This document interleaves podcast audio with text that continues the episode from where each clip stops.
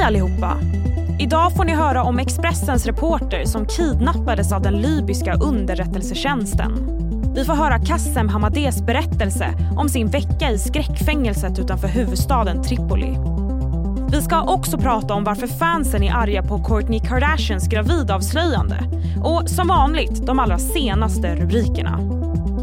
Du lyssnar på Läget, Expressens dagliga nyhetspodd med mig, Sally Sjöberg. Vi börjar med att vända oss till Ukraina som kan ha tagit en tillfällig paus i den pågående motoffensiven. Försöken att närma sig den ryska försvarslinjen har visat sig vara svårt och den amerikanska tankesmedjan Institute for the Study of War skriver att Ukraina nu lägger om strategin. Både Ryssland och Ukraina har lidit stora förluster i motoffensiven hittills. Det menar Storbritanniens försvarsdepartement. Vi går vidare till en nyhet om våldsvågen i Stockholm som fortsätter. För en kraftig explosion inträffade i natt i ett villaområde i Hässelby i västra Stockholm. En person fördes till sjukhus men ska inte vara allvarligt skadad. På måndagsförmiddagen höll polisen en pressträff med anledning av våldsvågen. Mina medarbetare jobbar för högtryck 24-7 och gör sitt yttersta för att bryta våldskurvan. Men det här kommer att ta tid. Nu till en positiv nyhet som visar att det blir fler kvinnor i toppskiktet hos börsbolagen. Det visar den årliga rapporten från stiftelsen Allbright. Nu är vart fjärde bolag jämställt men enligt Allbrights vd Amanda Lundeteg kvarstår mycket arbete för att det ska bli ännu bättre. Och nu ska vi kasta oss tillbaka två månader i tiden.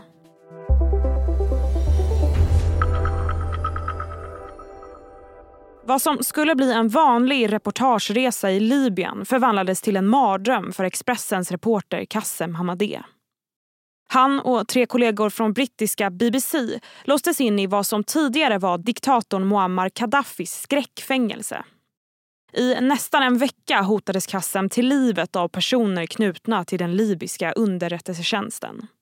Kassem har nu kommit in här i studion. Om du tar oss tillbaka till den här cellen där du låstes in. Hur såg den ut?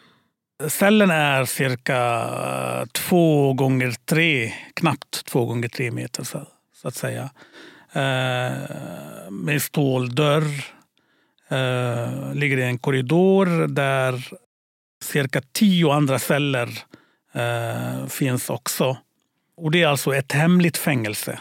Det är ett fängelse som inte finns på kartan. Det är ett fängelse som inte är registrerad varken hos internationella hjälporganisationer eller eh, Röda Korset eller Amnesty International. Inte ens regeringen i Tripoli kanske vet vart det här fängelset ligger. Utan det är ett hemligt fängelse. Eh, när jag låstes in där så blev det klart för mig att eh, nu ska jag leva här under mycket eh, primitiva förhållanden. Fick ingen madrass. Eh, fick eh, so sova och sova. Fick lägga mig på en matta, en stinkande matta på golvet. Eh, och fick inte gå på toaletten. Inte ta, fick inga hygienartiklar. Alltså fick inte borsta mina tänder, inte, inte tvål, ingenting sånt. Fick inte lämna cellen heller. Utan det är inne i cellen. Jag kommer att vara inlåst under den här tiden. Hur såg dina dagar ut där inne? Det första dygnet var väldigt ett tungt dygn. Men redan dag två så började jag skapa en rutin över min vardag. Och då såg det ut, min vardag såg ut eh, på två olika sätt. Det ena är bödlarnas påtvingade dag, eller vardag. Och det är alltså förhör efter förhör efter förhör. Och stormning av min cell. Och det andra är jag. Jag hinner tänka över min situation, försöka hitta olika strategier. Eh, hur jag ska hantera den här, det här dilemmat och hur jag ska försöka bygga broar uh, för att kunna överleva dagen helt enkelt. broar med de medfångar, de andra medfångar och med bödlarna, förhörsledarna helt enkelt. Och de hotade dig till livet? De hotade med att de ska döda mig, att de ska tortera mig också. De ska hänga mig. När de höll förhör med mig så var jag tvungen att gå ner på, på knäna. Och eh, trots att jag hade ögonbindel på mig så var jag tvungen att ha mitt ansikte mot en vägg i ett hörn. De vill knäcka dig. De vill att du ska bli rädd. Så rädd så att du även erkänner saker som du inte har gjort. Blev du så rädd? Jag blev inte rädd under förhören. Utan jag, var, jag blev orolig när jag förstod att de håller på att fabricera bevis. Efter påtryckningar från framförallt Storbritannien så släpptes du till slut fri. Och nu har det gått lite mer än två månader sedan dess. Ja. Vad tar du med dig från det som hände? Det som jag tar med mig från Libyen, från den här, den här mardrömmen. Det var ju en mardröm faktiskt. Det är att du är mycket mer stark än vad du tror. Efteråt, när jag släpptes, så blir bilden mer tydlig om hur viktig vår roll som journalister, granskande journalister, är i dagens samhälle.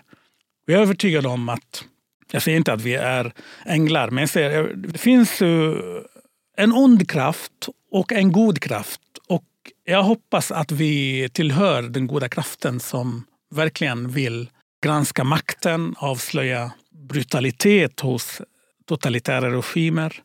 Eller jag fick det bekräftat under den här veckan att vårt yrke som journalister är avgörande viktigt för samhället.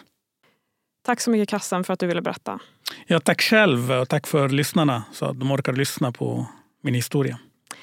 Och de som vill läsa ännu mer om det du har varit med om så kan man gå in på vår sajt. Yep. Nu blir det fler nyheter.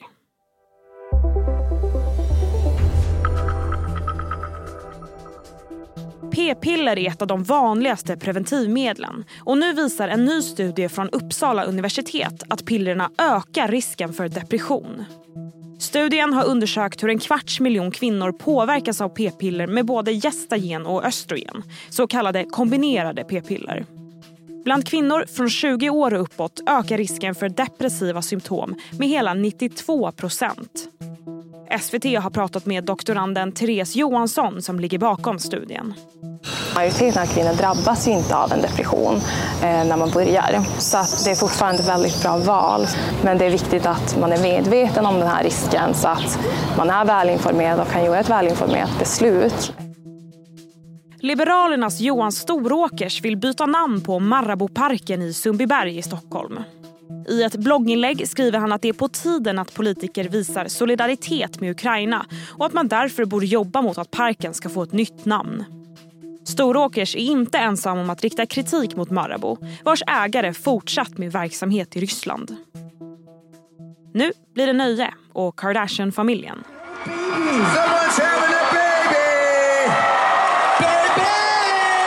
I'm going down. I need help. I need help down.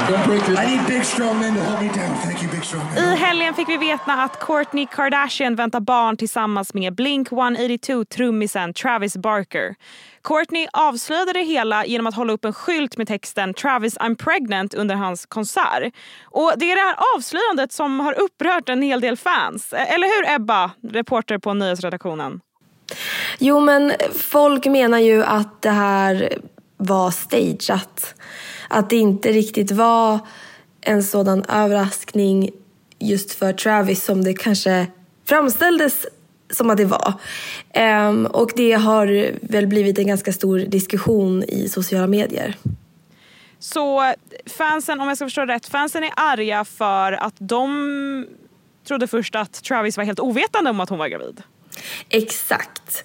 Och det framställdes ju som att han avbröt konserten, blev helt överlycklig, hoppade ner i publiken, kramade om henne.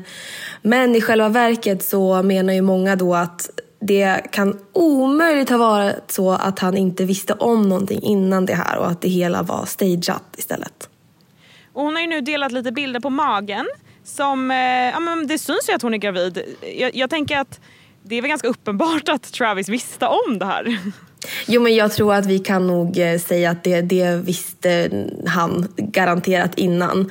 Och sen att det var en kul grej att göra det hela offentligt. Jag tror att det är nog lite mer eh, det. För det sättet hon gjorde det på är ju också en blinkning till deras superhit eh, All the small things och musikvideon då det är ett då fan i publiken som håller upp en sån här skylt där det står Travis I'm pregnant på. Mm, I Blink 182-låten där ja. Exakt. Mm. Men i övrigt då, vad har det kommit för reaktioner på det här? Eh, jo men många är ju såklart jätteglada för deras skull. De har ju varit öppna med att de har eh, Eh, haft det lite svårt med att, att, bli gravida. De har ju testat IVF bland annat och sen eh, så valde de att avsluta det då, att, då det inte riktigt ja, gick som de ville.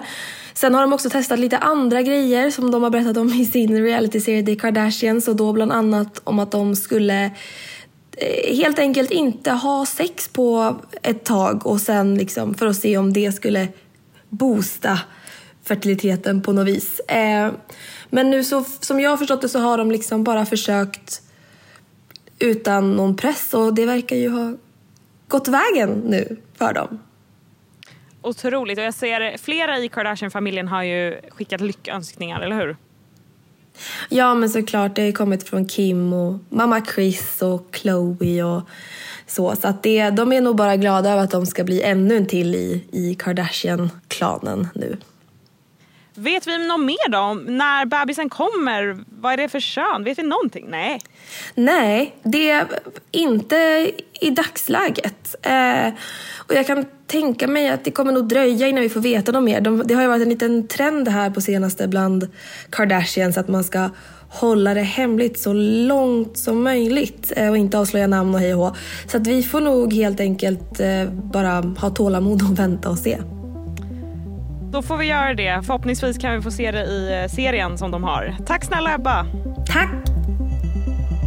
Det var allt för idag. Glöm inte att följa läget i din podcastapp så att du inte missar några avsnitt. Vi hörs redan imorgon igen. Tack för att ni har lyssnat.